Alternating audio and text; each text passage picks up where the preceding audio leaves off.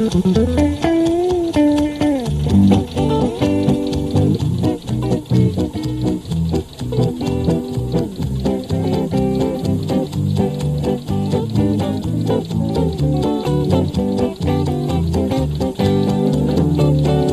är Traktorpodden, podden som bara handlar om veterantraktorer och det kan bli hur nördigt som helst.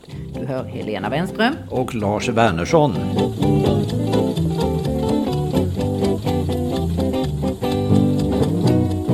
Den här gången ska vi prata om fiffel och båg. Det blir en lite vilda västernlik historia om en fuskford, eller hur? Ja, det är en, verkligen eh, en spännande historia om hur det gick till i traktorns barndom för hundra år sedan.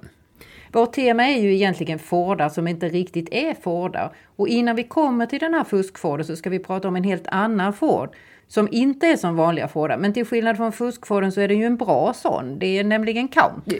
Ja, County är ju verkligen en maffig traktor. Eh, Fordson-traktorer i grunden som County byggde om med fyrhjulsdrift och framhjul lika stora som bakhjulen.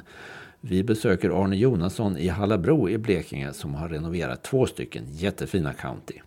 Och då gissar jag att du har tänkt ha County även i din historik.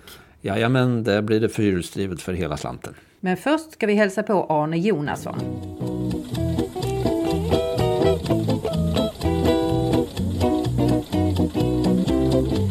De andra traktorerna jag gjorde i ordning det var ju mer eh, lite enklare tvåhjulsdrivna traktorer och sen vill jag ha något som eh, var lite mer udda. Och då följde ju då på, på Ford County. Det kanske var lite av en händelse att den första blev en County men eh, sen gav det mer smak. Varför är de så häftiga? Just det här med lika stora hjul eh, runt om. Och den med en sexan har ett härligt ljud. En rak dieselsexa. Det är inte mycket som går upp mot det. Men om man har en fyrhjulsdriven traktor och lika stora hjul så är de inte så bra att svänga med. Nej då, men eh, man får stora arealer i så fall. Arne Jonasson har renoverat runt 25 traktorer, till exempel BM, Victor och Major. Och två av dem är alltså County-traktorer. Han har byggt ett särskilt museum för sina traktorer. Ett museum som han har byggt ut i flera omgångar för att de ska rymma alla traktorer. Han avverkar egen skog och låter ett lokalt sågverk såga upp allt byggmaterial. Vi börjar med att titta på den först renoverade Countyn, en Super 6 från 1964. Den har dubbelmontage också.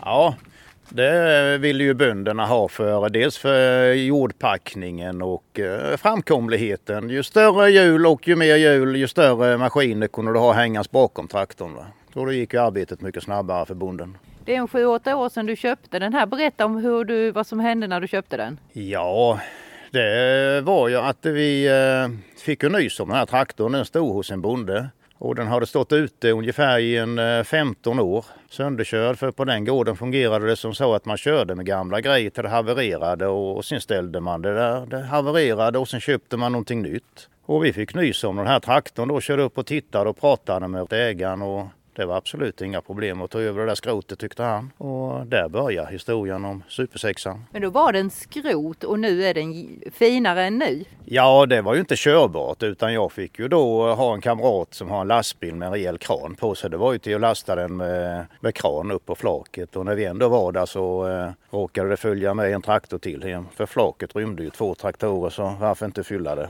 Vad var det för traktor du köpte dessutom? Det var en eh, Ford Supermajor.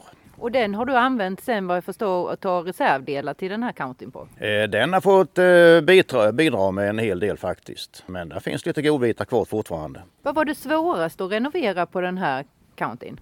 Det har inte varit några större problem utan eh, man får ta det försiktigt när man demonterar det, dokumenterar mycket så får man inga större problem när man ska sätta ihop det. Men eh, har man bråttom och slarvar då, eh, då är det svårt att lägga ett pussel. Den här supersexan är då lite grå och här bredvid står en superfyra som är blå. Berätta om den. Ja det var ju så när jag hade gjort i ordning supersexan så blev min grabb lite avundsjuk på den fina traktorn så att eh, han ville ha en County också. Och lyckades nosa upp då den här eh, superfyran och eh, den har ju gått i skogen som skotare hela sitt liv så den var ju ganska illa medfaren men eh, han handlade mycket delar från England och eh, sen köpte vi en donatortraktor, en Ford 5000 till den här också och eh, plockat ihop det och eh, fått det i ett, eh, vad jag tycker, ett ganska nära skick.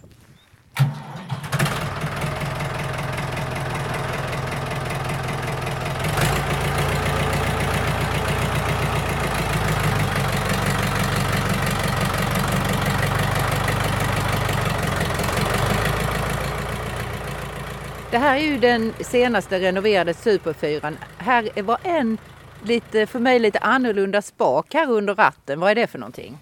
Det är växelspaken. Eh, det var ett system som Ford började dona med då på 60-talet som de kallade Select och Speed.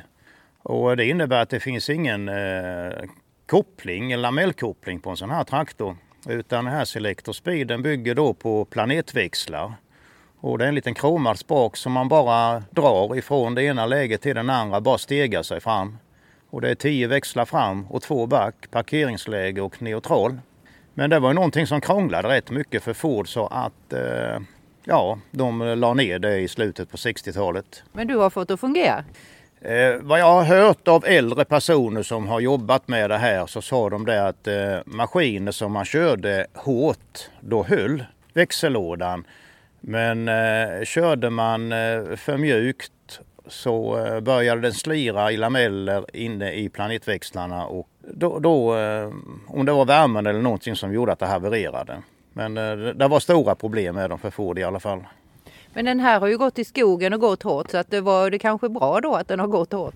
Jag skulle vilja tro att det är så efter vad andra gubbar som känner till lådan mer har påstått så är det så det ligger till ja. Vad ska du göra med de här traktorerna nu? Ska du ställa ut dem någonstans? Ja, jag eh, njuter av att titta på dem, köra med dem, ställa ut dem på utställningar. Det är väl så vi har gjort lite med de andra traktorerna också. Det är ju både skog och traktor i Emmaboda och Nostalgia i Ronneby. Är det här din sista traktorrenovering? Du har ju många traktorer nu. Ja, det, det kändes så när man vi lagt ner 800 timmar på Superfyran här då. Va? Och det har ju tagit sin tid och man har lite andra hobbys också. Men jag stänger inte dörren. Får jag tag i en traktor från 30-talet eh, med järnhjul och grejer då... då är du kanske igång igen i renoveringstagen? Ja, jag tror det. För du har en verkstad här där du i princip kan göra allting. Ja, det har ju blivit med åren så har man ju eh, byggt ut och skaffat mer maskiner och inte bara maskiner utan mer kunskap. Och sen sånt jag inte kan göra själv, det, det går ju alltid att lösa på något vis. Men du har lärt dig allting själv? Du har ingen utbildning i detta att renovera traktorer? Jag har ingen utbildning inom det här yrket nej, utan eh, det började väl i 14-årsåldern med den första moppen och sen har kunskapsbanken byggts på. Och kan man inte någonting så, så går det faktiskt att ta reda på det. Hur gör du då?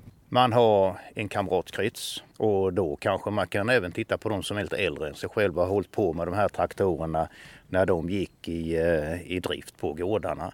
Eller så har man ju tillgång till nätet faktiskt. Det går att få tag på väldigt mycket information. Och verkstadshandböcker har du? Det skaffar man sig också så man får eh, inställningsdata och så vidare. Vilket är ditt bästa mektips? Det är att innan man börjar att renovera någonting och demontera så ska man eh, vara försiktig. Man ska ha resurser då så man kan dokumentera allting man tar isär. För man vet att har det gått ett halvår så undrar man ja, hur fan ska det här vara nu då?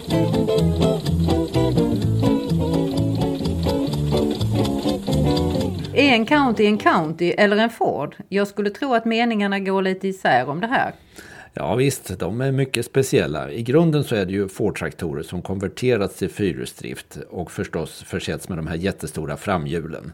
Man känner ju igen en County direkt när man ser den. Det är traktorer med drag kan man säga. Så County är en Ford då? Det är i alla fall ett företag som har haft väldigt nära kontakter med Ford.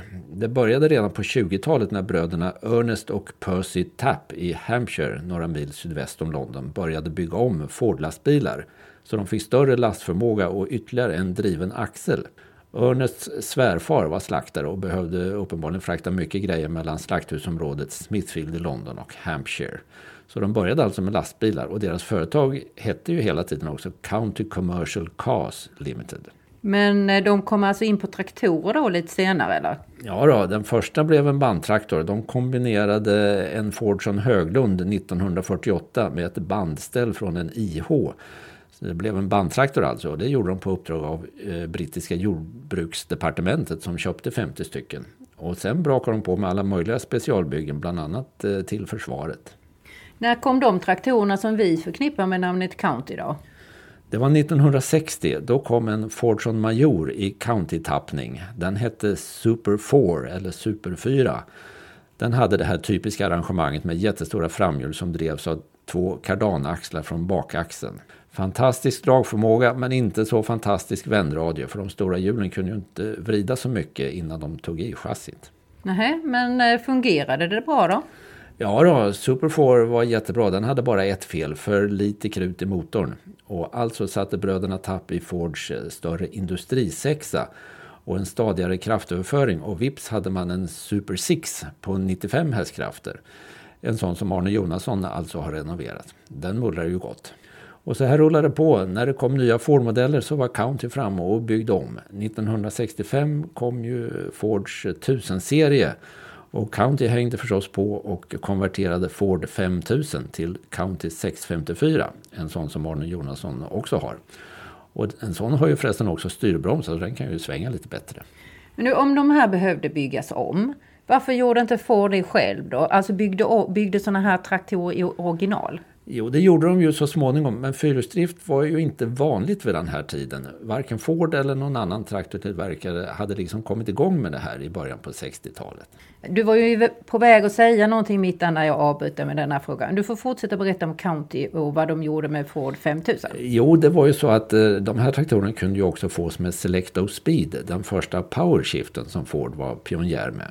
Och Arnes 654 har just en sån här låda. Man kan lyssna på podden med växellåds extra nummer 13 sensommaren eh, 2020 om man vill veta mer om de här eh, växellådorna. De stora TV-traktorerna från Ford blev senare grunden för eh, ytterligare County-modeller. Den sista Countyn hette 1884 som hade en TV30 på 188 hästkrafter som grund. Den kom 1980 och tillverkades till 83 när företaget gick i konkurs. Hur kunde det gå på det viset med bra traktorer? Jo, men då hade ju på 70-talet så kom ju fler tillverkare, även Ford, med egna fyrhjulsdrivna modeller. Så County var inte så ensamma om det här eh, som tidigare. Och de här nya konkurrenterna hade ju mer normalstora framhjul så de här traktorerna blev mer allround och smidiga och inte så extrema dragare som County var. Så hela alltet tog slut 1983 då? Ja, inte riktigt. County hankade sig kvar med nya ägare i ett par omgångar och det byggdes några traktorer ytterligare. Men County tynade snart bort. Eh, men på det hela taget så är det ett rätt stort och viktigt företag i traktorhistorien. De byggde trots allt 35 000 traktorer. Med bara få undantag var det Fordar i grunden allihop. Och 75 procent av dem exporterades. De användes i alla möjliga sammanhang, inte minst i skogsbruket, vilket kanske är förvånande med tanke på svängradien. Men å andra sidan var drivna vagnar inte så vanliga på den här tiden, så Countins dragförmåga firade nog triumfer i skogen. Och vad jag har förstått så är County riktigt populära bland samlare. Absolut, stora och udda modeller är ju alltid eftertraktade. Eh, det finns några auktionsnoteringar från England eh, som visar detta. För ett par år sedan eh, så såldes två County 1474 från 1980 och 81 för 1,1 respektive 1,2 miljoner kronor. Och en County 1884 från 1982 har sålts för hela 1,7 miljoner. Men det byggdes bara runt 30 1884 också, så de är ju ovanliga. Oj, det var ju verkligen mycket pengar de här har kostat. Vilken är den mest udda countyn då, tycker du?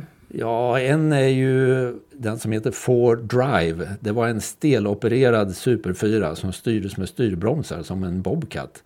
Den verkar ju vara väldigt udda. Och den sålde faktiskt rätt bra i Västindien för användning i sockerrörsplantager. Men så vitt jag vet bara där också. Finns det fler udda då? Ja, det värstingen måste ju vara Seahorse, sjöhästen.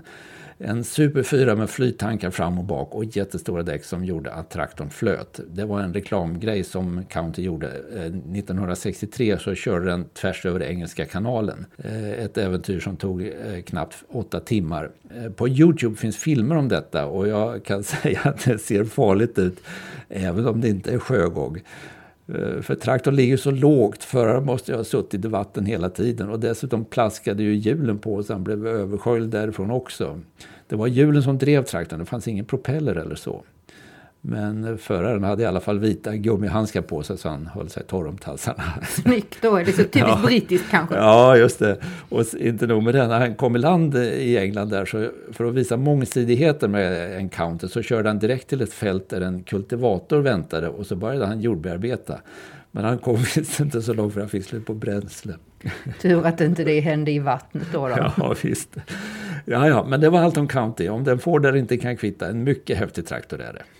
Och jag som ville ha klara besked. Det fick ja. jag inte riktigt den här gången. Inte riktigt.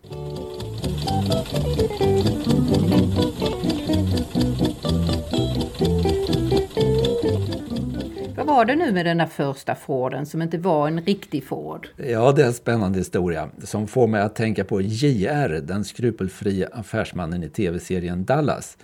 Du och jag är väl gamla nog för att komma ihåg den.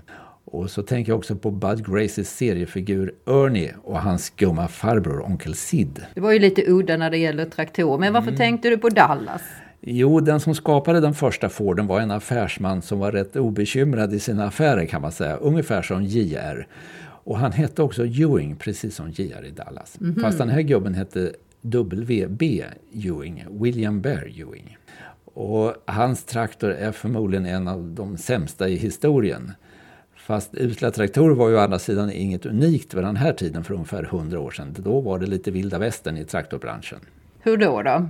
Jo, eh, mellanvästern i USA var jordbrukstraktorns vagga. Det var här många traktortillverkare dök upp i början på 1900-talet. Men även om många affärsmän insåg att traktorer skulle bli något stort visste de inte hur den skulle se ut. Många olika konstruktioner provades och många fungerade helt enkelt inte. Och dessutom verkar många ha varit väldigt optimistiska i marknadsföringen av de här udda konstruktionerna. Ewing var extra bra på det, men hans traktor var å andra sidan extra dålig. Okej, men alltså att göra en dålig produkt och marknadsföra den som någon bra, det kanske inte är rent kriminellt? Nej, men Ewing gjorde en fuling. Han kallade sin traktor för Ford för han ville få folk att tro att det var en riktig Ford, alltså tillverkad av Henry Ford. Och att detta skulle driva på försäljningen. Så han la beslag på namnet. Henry Ford kunde alltså inte använda den när han tre år senare var klar med sin traktor, den berömda Fordson F. Vadå lägga beslag på namnet? Man kan väl inte bara sno någon annans namn? Så kan man inte göra? Jo, uppenbarligen kunde man det om man hade någon i företagets styrelse som hette Ford i det här fallet. Så Ewing letade helt enkelt efter någon med rätt namn och hittade en elektriker som hette Paul Ford och gav honom ett erbjudande som han inte kunde motstå. Plats i bolagsstyrelsen och betalt på villkor att han lånade ut sitt namn till den traktor som såg dagens ljus i Minneapolis 1915. Så den här Paul Ford, han slank då bara in som någon slags målvakt. Alltså en sån som man ju hört talas om även i senare tiders skumraskaffärer. Eller kunde Paul Ford något om traktorer? Nej, inte det minsta. Men det hindrade ju inte Ewing från att i marknadsföringen kalla Paul för traktorns konstruktör. Han till och med hittade på en story om att denne studerat traktorer i hela sitt liv och äntligen hittat en affärspartner som kunde förverkliga hans dröm om att bygga en banbrytande traktor. Så när Ewings traktor började tillverkas, då hette den Ford. Fast den som sagt inte hade det minsta att göra med det företag som vi vanligen tänker på när vi hör namnet Ford. Varför var det så viktigt för Jung att hans traktorer hette Ford? Han räknade med två saker. För det första att köparna skulle tro att det var Henry Fords traktor. Ewings företag hette Ford Tractor Company och Henrys hette Ford Motor Company så det var ju upplagt för förväxlingar. Henry hade ju gjort sensation med T-Forden som var så billig att många kunde köpa den. Och nu skulle han göra om det här med en traktor som också skulle masstillverkas billigt. Ewing räknade med att namnet skulle sälja så han ville hinna före med en traktor. Han skulle alltså utnyttja Fords goda rykte för egen vinning. Renommésnyltning brukar sånt kallas. Och för det andra tänkte han att Henry Ford skulle betala royalty. Han räknade med att när Henry var klar med sin traktor så ville han nog att den skulle heta just Ford som bilarna. Men på traktorer var ju det namnet upptaget av Ewing så han tänkte att han skulle casha in lite på varje traktor Henry så småningom skulle sälja. Aha, på så vis. Det var ju listigt. Blev det så då? Nej, Henry gick ju inte på den lätta. Hans traktorer som kom ut på marknaden 1918 fick heta Fordson istället. Varför blev det just Fordson? Det beror bara delvis på Ewings rävspel. Eh, Henry fick inte sin bolagsstyrelse med sig när det gällde traktortillverkningen så han fick bilda ett eget bolag för traktorerna, Henry Ford och Son. Och när detta bolag kom igång i slutet av 1917 med tillverkning av traktorn då, så gick de första 6000 exemplaren till Storbritannien för att mekanisera jordbruket under brinnande världskrig då. Snart sagt alla män var ju vid fronten så livsmedelsförsörjningen var hotad. De här traktorerna kallades först bara för MOM, förkortningen för det brittiska försvarsdepartementet som var beställare. Och i alla telegram som skickades fram och tillbaka över Atlanten förkortades så mycket som möjligt för att det skulle gå undan. Så Henry Ford och son blev i telegramform helt enkelt Fordson. Och det hade Henry inget emot, så det fick traktorn heta sen. Och så undgick han ju eventuella royaltykrav från Ewing. Mm, den traktorn blev ju stilbildande och en världssuccé. Nästan alla traktorer har konstruerats som Ford som F med drivhjulen bak och styrhjulen fram och självbärande chassi. Nu har jag lärt mig detta. Men mm. så såg alltså inte Ewings Ford ut. Nej, den var helt annorlunda. Den hade två stora drivhjul fram och ett litet styrhjul bak. Föraren satt ovanpå bakhjulet. En trehjulig menar du? Ja, sämsta sort. Den gick inte att köra rakt. Den var helt enkelt för dålig på alla sätt och alla som var inblandade drog sig snart ur. Paul till exempel, elektrikern, han stack. Men han kunde inte hindra att hans namn utnyttjades i fortsättningen också.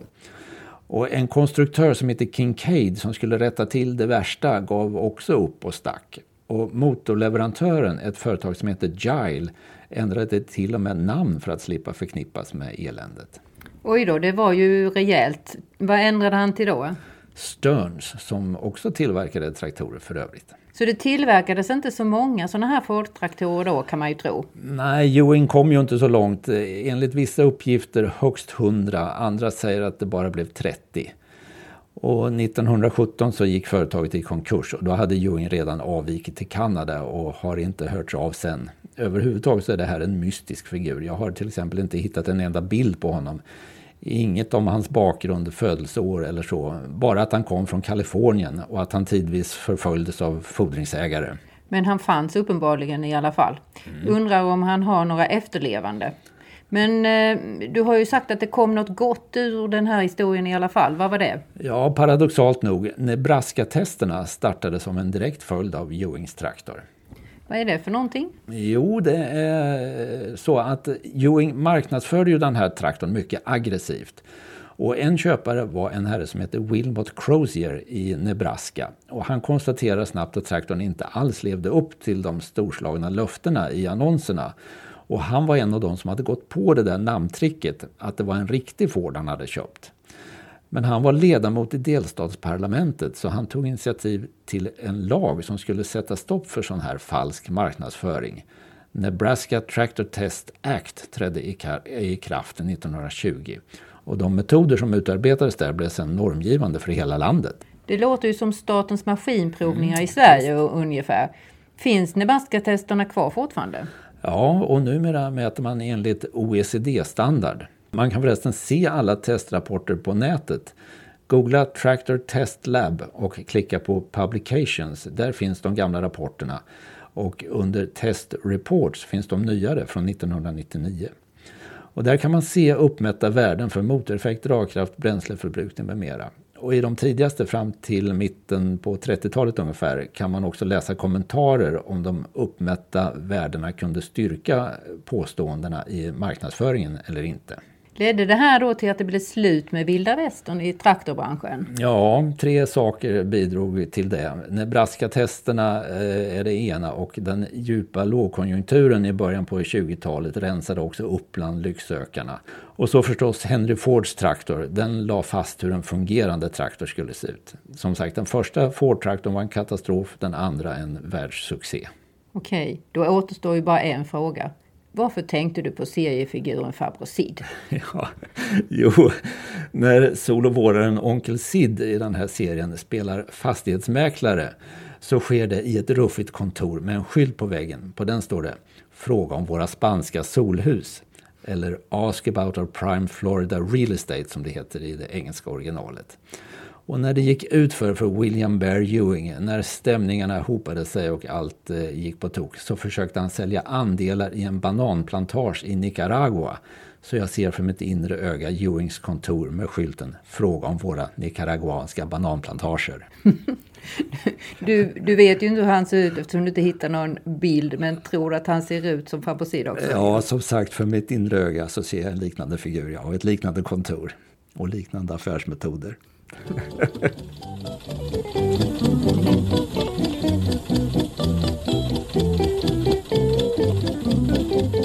Det var allt för den här gången. Mer om County och den första Forden finns i traktor nummer tre som finns i butik och på Traktors webbshop www.traktor.se på tisdag den 20 april. Tack och hej, vi hörs! På återhörande!